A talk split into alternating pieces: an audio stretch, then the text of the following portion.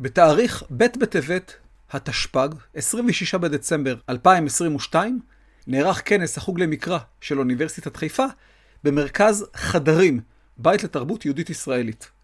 טרחתי, עמלתי והקלטתי את הרצאות הכנס לטובתכם ולטובתכן. ההרצאה הרביעית היא של דוקטור רות פידלר, פולחן מלכת השמיים, בסוגריים ירמיה מ"ד, לאור מקורות מן התקופה הפרסית. ההרצאה הזאת נדרשת לפרק בספר ירמיהו, אבל ההקשר הרחב יותר שלה הוא סוגיית הזיקה שבין מילה כתובה לבין ההיסטוריה או אירוע היסטורי. הפרק אה, שנדון בו מתאר אירוע בו מעורב ירמיהו, ויכוח נוקב אה, על פולחן מלכת השמיים, ליתר דיוק כתוב בטקסט מלאכת השמיים, אבל זה כתוב בלי א', ולאור גרסות של תרגום השבעים, אה, אולי לא בדיוק כאן, אלא בפרק ז', שגם שם אה, אנחנו נראה מופיע תיאור של הפולחן הזה, אז תרגמו את זה מלכת השמיים, וכמעט כולם מקבלים את הגרסה הזאת. אז אני מדברת על מלכת השמיים.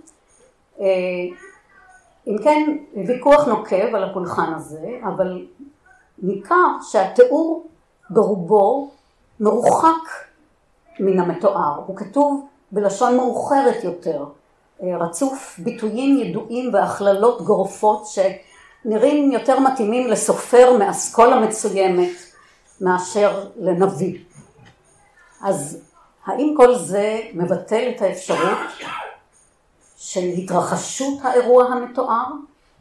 ומאידך גיסא, אילו היינו יכולים לזהות בוודאות מסוימת טקסט קדום בתוך הפרק הארוך הזה, טקסט גרעיני לפעמים קוראים לזה, אז היינו יכולים להיות בטוחים שהאירוע אכן התרחש? אלה שאלות רטוריות, אז אני אענה עליהן. התשובה היא לשתיהן שלילית.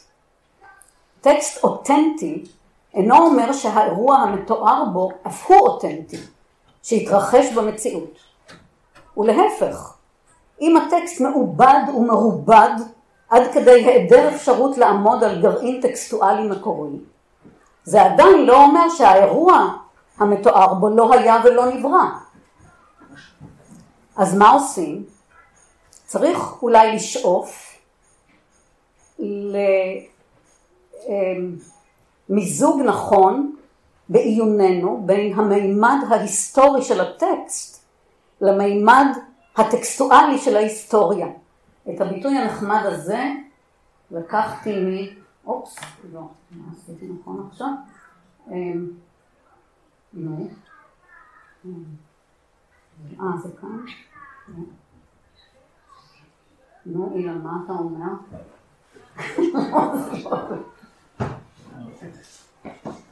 אמרת ללחוץ עליו?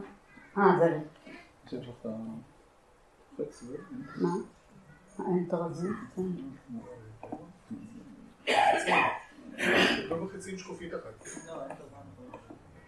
מה?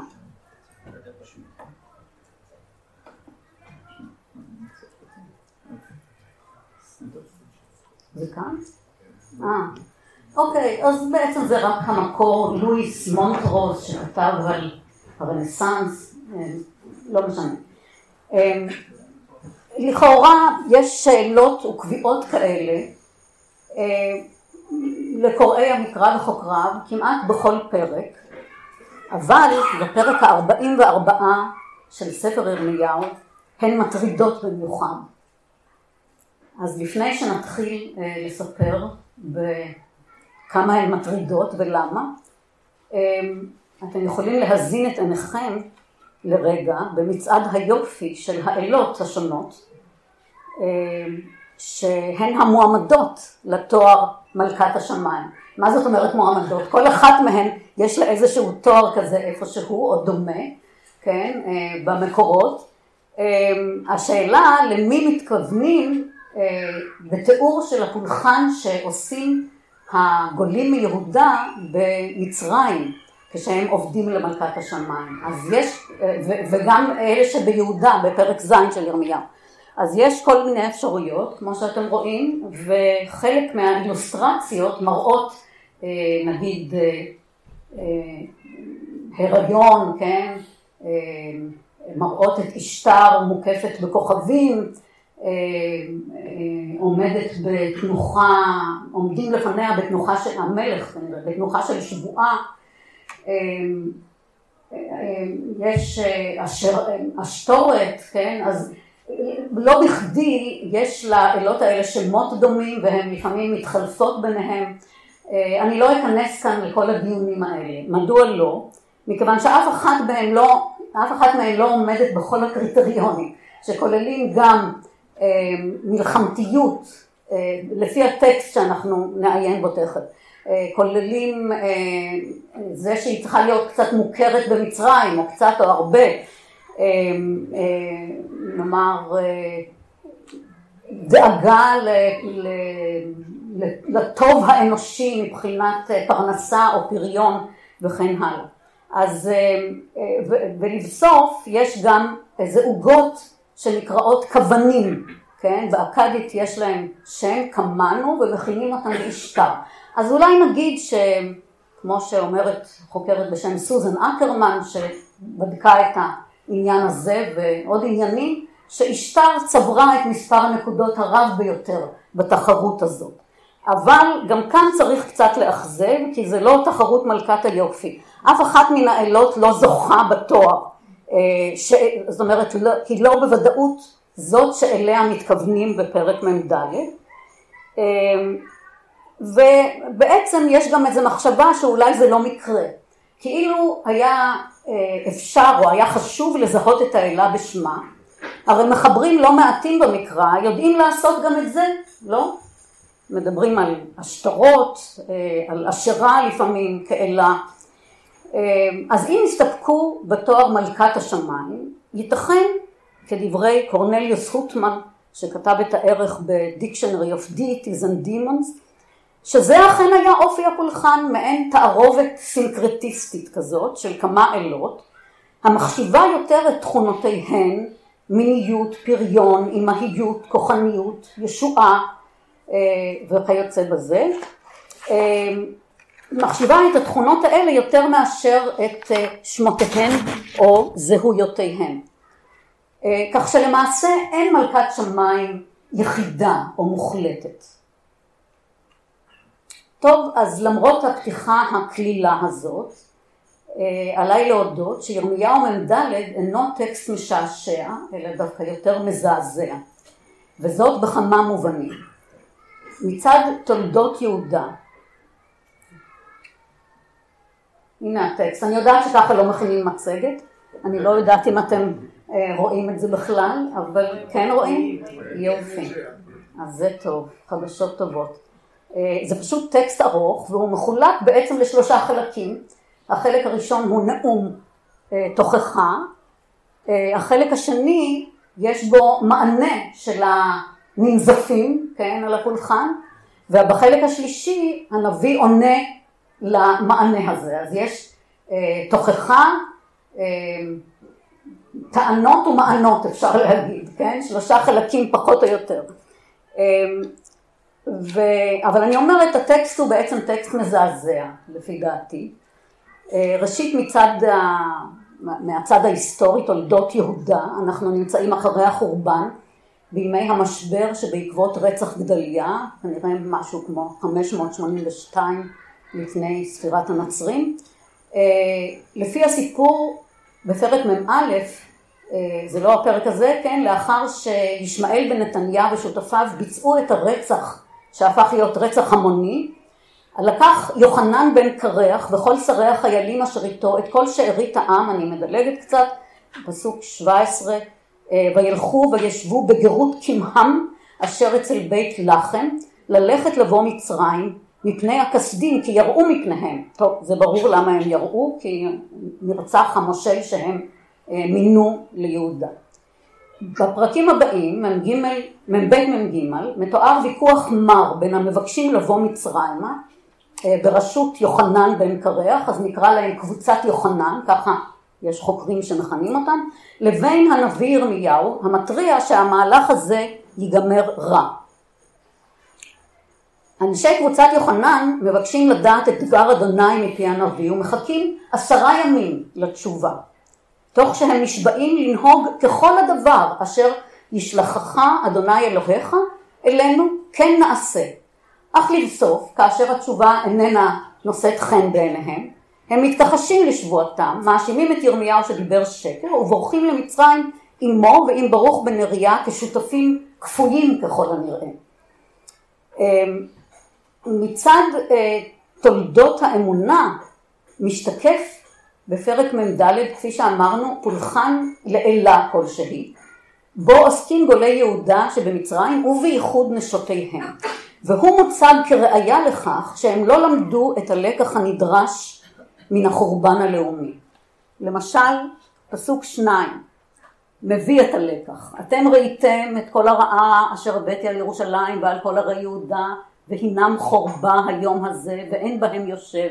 מפני רעתם אשר עשו להכעיסני ללכת לקטר לעבוד לאלוהים אחרים אשר לא ידעום המה אה, סליחה המה הפירוש זה אתם ואבותיכם. אה, ואשלח עליכם את כל עבדיי הנביאים אנחנו לא חייבים לקרוא את הכל אה, אבל נשים לב גם לפסוק תשע השכחתם את רעות אבותיכם ואת רעות מלכי יהודה ואת רעות נשיו ואת רעותיכם ואת רעות נשיכם אשר עשו בארץ יהודה ובחוצות ירושלים. טוב, אז אה, מאשים אותם כאמור אה, בכך שלא למדו את הלקח מן החורבן ואנחנו אה, יכולים גם אה, לראות כאן אה, סדרה של ביטויים שאופייניים לספר דברים, ביטויים משנה תורתיים, בואו נראה אם זה, לא, מישהו לא עשה את זה נכון. רגע. אה, כן, טוב, זה לא צבע כל כך טוב, אבל אה, לקטר לעבוד לאלוהים אחרים אשר לא ידעו, אשלח את כל עבדיי הנביאים, בערי יהודה ובחוצות ירושלים, ולא הלכו בתורתי ובחוקותיי, בחרב ברעב יתמו. אלה ביטויים ככה, נאמר, כמה דוגמאות. אה, יש גם נטייה לחזור על הביטויים האלה. זה מסומן בצהוב, אבל לא כל כך רואים את זה, כי אה, אז לא נורא. אה, בכל אופן, נאום, כן? נאום פרוגרמטי אה, בסגנון דברים. אז אמרנו מצד תולדות יהודה, מצד תולדות האמונה, אנחנו נדבר על הצד הזה בעיקר. מצד חיי ירמיהו, זה היבט שנדמה לי לפחות מזכירים אותו בהקשר הזה, אבל הפרק הזה הוא פרק מ"ד, בספר ירמיהו יש, יש חמיש, זה הפרק ה-44, אז יש 52 פרקים, זאת אומרת יש עוד נבואות הגויים בפרק היסטורי. זה בעצם המפגש האחרון שמתאר, אה, אה, שמתואר אה, בספר ירמיהו בין הנביא לבני עמו. יש מסורות שונות על הסדר של הפרשיות או הפרקים בספר ירמיהו, והבולטת ביותר בשינוי, בשינוי מנוסח המסורה העברי זה תרגום השבעים. בתרגום השבעים התופעה הזאת עוד יותר בולטת, כי הפרק שלנו הוא פרק 51, זאת אומרת הפרק הלפני אחרון בספר, אז ברור שזה המפגש האחרון שמתואר בספר בין הנביא לאיזה שהם אנשים מעמו. והמפגש האחרון הזה בין ירמיהו לבני עמו מסתיים, איך נגיד את זה בלשון המעטה בריטית, בחוסר נחת הדדי. אה, גולי יהודה שבמצרים מודיעים,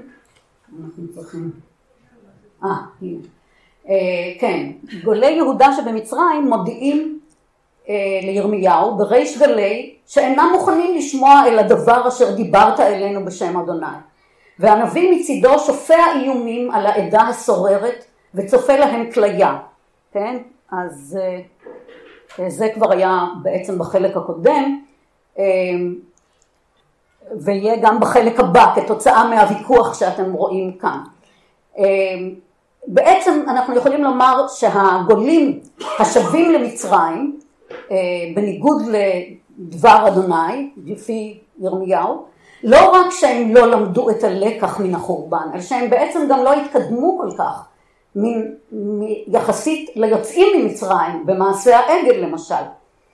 הברית האלוהית, הצווים האלוהיים, תוכחות הנביאים, כל המאמצים להסדרת נאמנות לאל יחיד שהושיע, העלה, הנחיל, הקים מנהיגים, כולם היו כלא היו.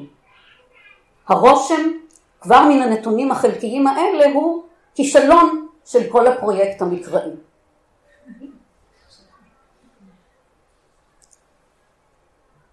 הדברים גם כאן מתבטאים בביטויים סטנדרטיים, אבל אתם לא כל כך רואים אותם, אלא אם יש לכם עיניים הרבה יותר טובות משלי. אה, אז למשל, כי מקטרות נשיהם לאלוהים אחרים, ושוב, בערי יהודה ובחוצות ירושלים, פסוק 18, בחרב וברעב תמנו, כן, אם כן, אותם ביטויים אה, דויטרונומיים, אבל, וכך גם במענה הנבואי שיבוא בחלק האחרון של הפרק מפסוק 20 עד 30, כן, גם כאן ישנם הביטויים החוזרים האלה שציינתי אותם בצבע בהיר מדי. אמ, ובכל זאת,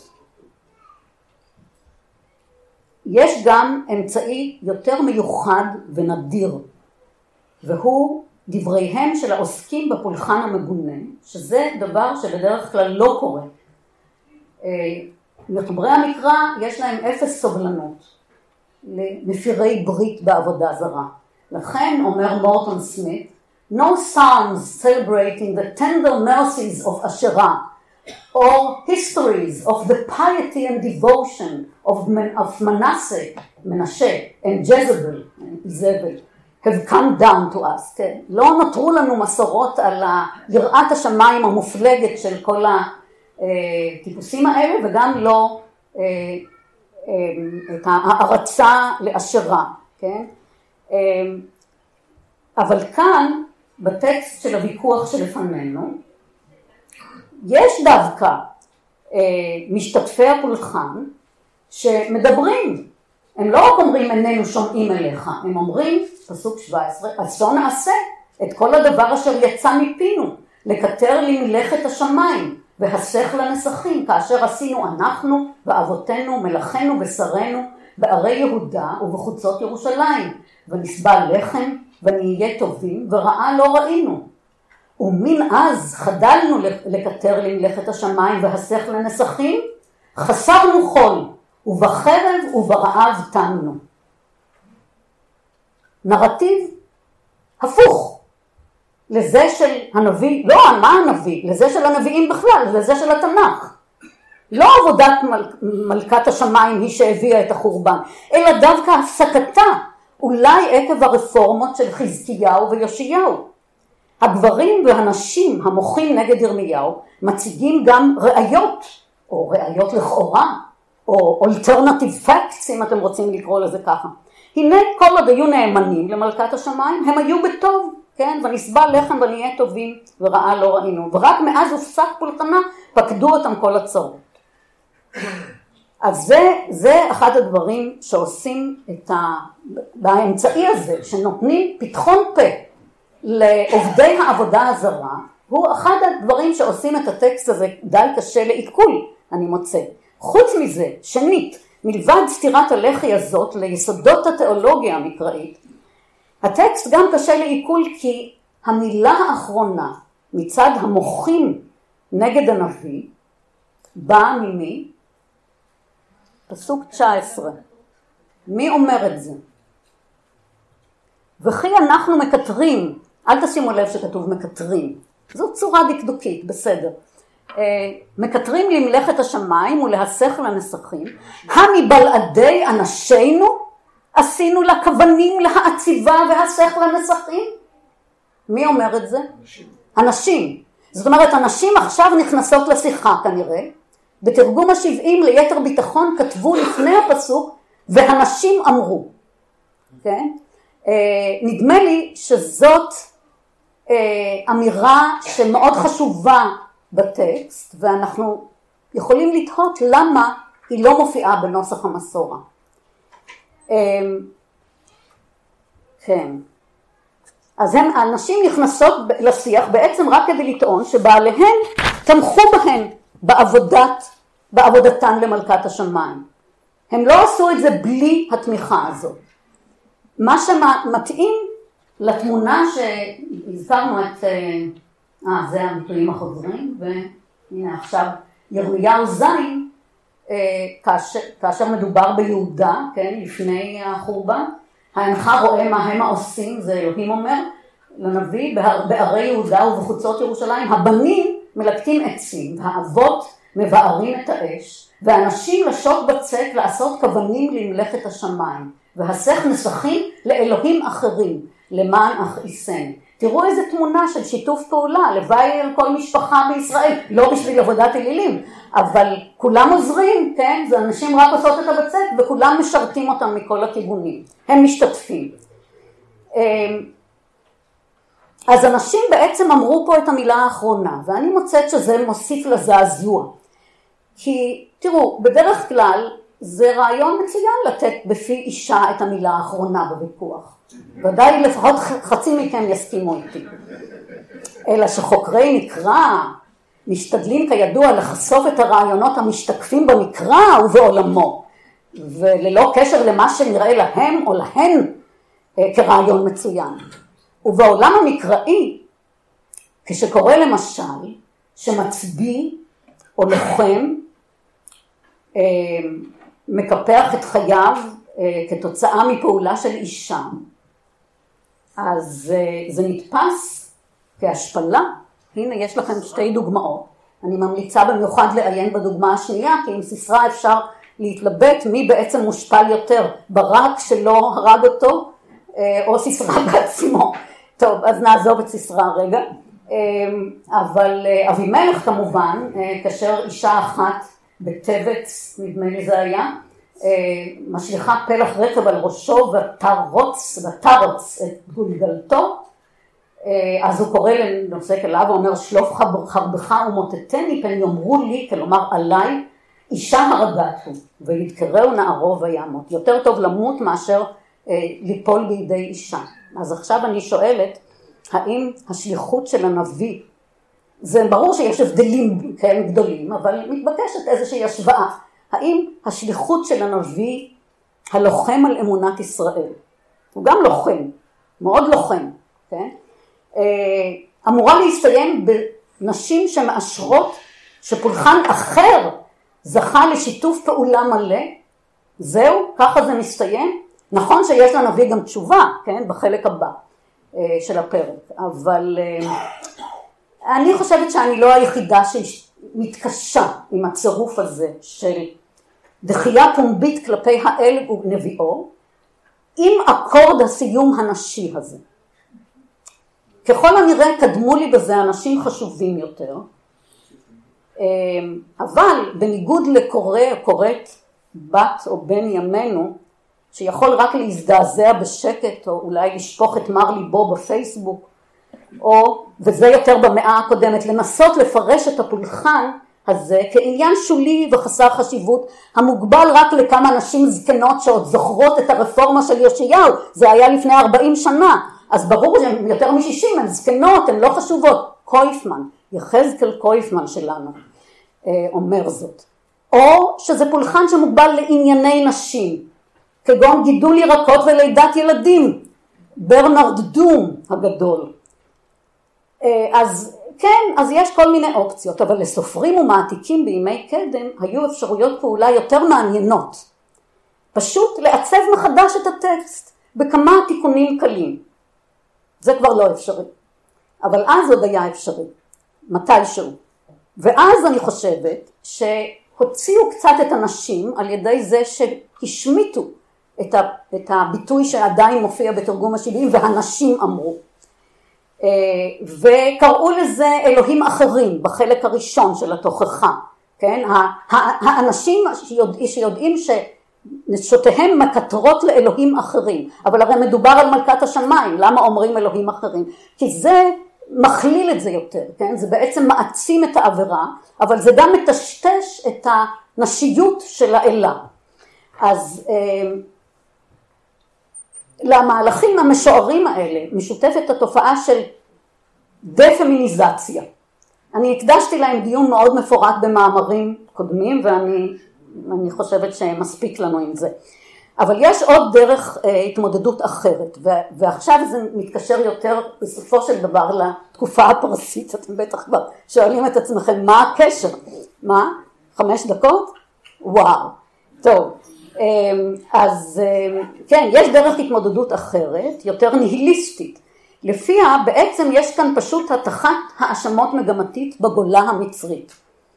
המגמה היא לדחות את הגולה הזאת מכלל ישראל ולהעצים את גולי בבל או שבי ציון כיסוד התקומה הלאומית. אז דום, ברנרד דום, עדיין זיהה איזשהו תיאור, לפי דעתו ירמיהו פשוט הפתיע את עובדות מלכת השמיים באמצע חגיגה של שילום נדריהן, וציוני זווית גם כן ממשיך את הקו הזה. אבל בפירושים אחרים לספר ירמיהו, של רוברט קארול או ויליאם מקיין, כבר אין אירוע יותר. אה, אצל קארול גם אין ירמיהו כל כך אה, כדמות היסטורית. מקיין מוצא כאן סדרה ארוכה וחסרת חשיבות של חיקויים ספרותיים בענייני אלילות. ורוני גולדשטיין מירושלים, בספר חיי ירמיהו, כבר קורא את תיאורי ירמיהו במצרים לחלוטין מנקודת הראות של שווי הגולה בירושלים והאינטרסים שלהם. זו קריאה מאוד מעניינת, אבל אותי היא לא משכנעת בתביעת הבלעדיות שהיא עושה, כאילו ככה זה, כן? זה נכתב בתקופה הפרסית ועכשיו אה, אה, כן אני אגיד מה הקשר בכל זאת אה, לתקופה הפרסית. אם כן זה מתבקש משאלת ההיתכנות של האירוע הדי מזעזע הזה כפי שהצגתי אותו.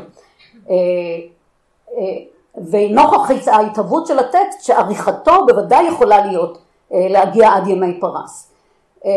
אני חושבת שאלה השוללים את ההיתכנות של האירוע הזה, כן? של השיחה הזאת של ירמיהו עם, עובדי, עם עובדות, עובדות ועובדי מלכת השמיים, לא נתנו את דעתם מספיק להבחנה שבין היסטוריה להיסטוריוגרפיה או בין אירוע לטקסט אמ, ודיברתי על זה בתחילת דבריי אז אני לא אאריך. אמ, אז מה בעצם אנחנו יכולים אה, להועיל פה במקורות מהתקופה הפרסית, אני בקושי רואה, אבל כן, פה אני רואה יותר טוב. אם כן, יש כאן אה, כתב שבועה של מנחם בר שלום למשולם בר נתן. אה, זה עוסק באתון, אבל לא כזאת אתון שמביאה מלוכה, סתם אתון, כן, מקרה משפטי, והוא נשבע לא פחות ולא יותר מאשר בענתיהו, אבל גם בחרם האל, או לא יודעת, אה, בבית הסגידה יש לזה כל מיני, זה נראה כמו מסגד, מסגדה, אה, ובענתיהו, כן? אז הנה תרגום אחר, אה, The place of prostration and by ענת יהו. ענת, האלה ענת, אנחנו זוכרים אותה, אחת המועמדות, כן, למלכת השמיים, והיא כנראה שייכת ליהו.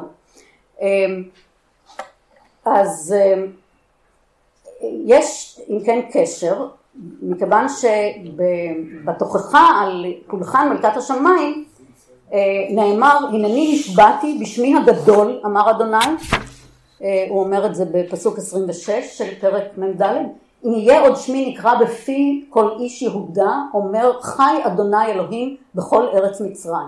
יש קשר, יש גם קשר לשבועה או לנדרים של עובדי מלכת השמיים שבזה הם מתרצים את ההכרח אה, לעבוד לה, ואז הנביא אומר, נותן על זה מענה, אנחנו לא, לא כל כך קראנו את המענה, אבל הוא אומר, אה, כן, אתם אה, תקימו את נדריכם, בוודאי, זה חשוב לקיים נדרים, זה בערך כמו שרב יגיד, זה מאוד טוב שאכלת כשר למהדרין ביום כיפור, כן?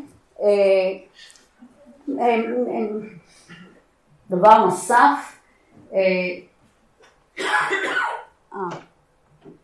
כן, פה אתם רואים איפה זה יב, ואיפה זה סוונה, שזה ממש next door, ושם לפי, אה, אה, כן עכשיו הוא מספר לי שיש שם נטיהו, זה כבר דיברנו. אה, אם כן, בהרמופוליס אה, יש אה, איגרת אחת שמברכת את, מקד... את בית בית אל ובית מלכת השמיים. זה אמנם לא ממוצא יהודי האיגרת הזאת, אבל בגלל, והמקדש הזה אמור להיות בסבנה, אז זה קרוב, זאת אומרת next door בעצם היה המקדש של מלכת השמיים במאה הבאה, כן? כתבי יב זה מאה חמישית, אנחנו רק אחרי החורבן קצת, במאה השישית. ובכל זאת, ייתכן שהמתיישבים היהודים הכירו משהו כזה. ובית אל, הצירוף עם בית אל באותה ברכה הוא גם כן מעניין, כי בית אל זו אלוהות צפון ישראלית. אז אני ממש כמעט מסיימת. יש כאן עוד המקור הכי חשוב מהתקופה, לא בדיוק הפרסית, אבל כנראה שה...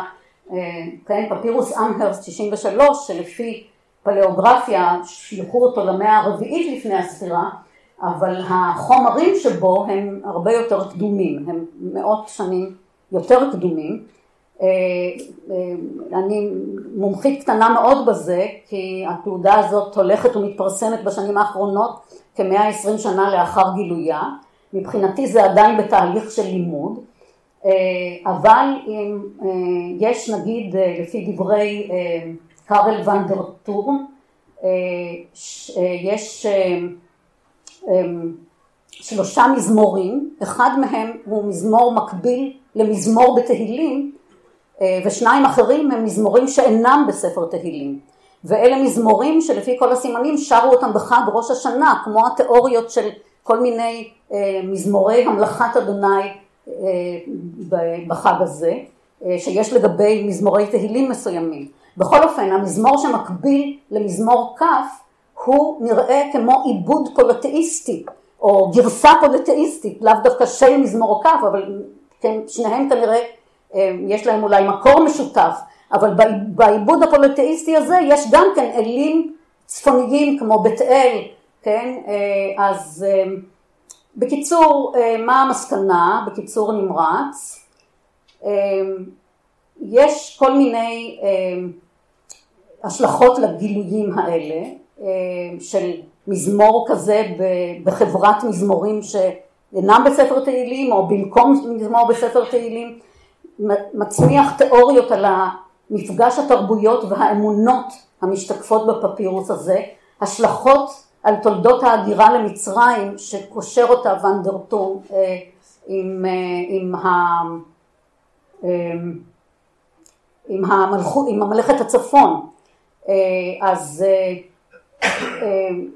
אם כך, כל אלה מסמנים מגמה של יתר התחשבות בממצאים מן המזרח הקדום, גם בתקופה הבתר מקראית, אה, לפני שמכריעים את טיבם של טקסטים כבדיה, השמצה או העתקה חסרת משמעות, כפי שכמה מן החוקרים שציטטתי נוטים לעשות.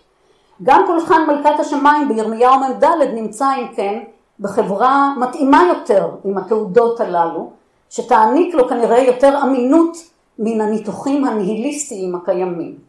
וזאת על כל ההשלכות החיוביות והשליליות הכרוכות בזה. תודה לכם.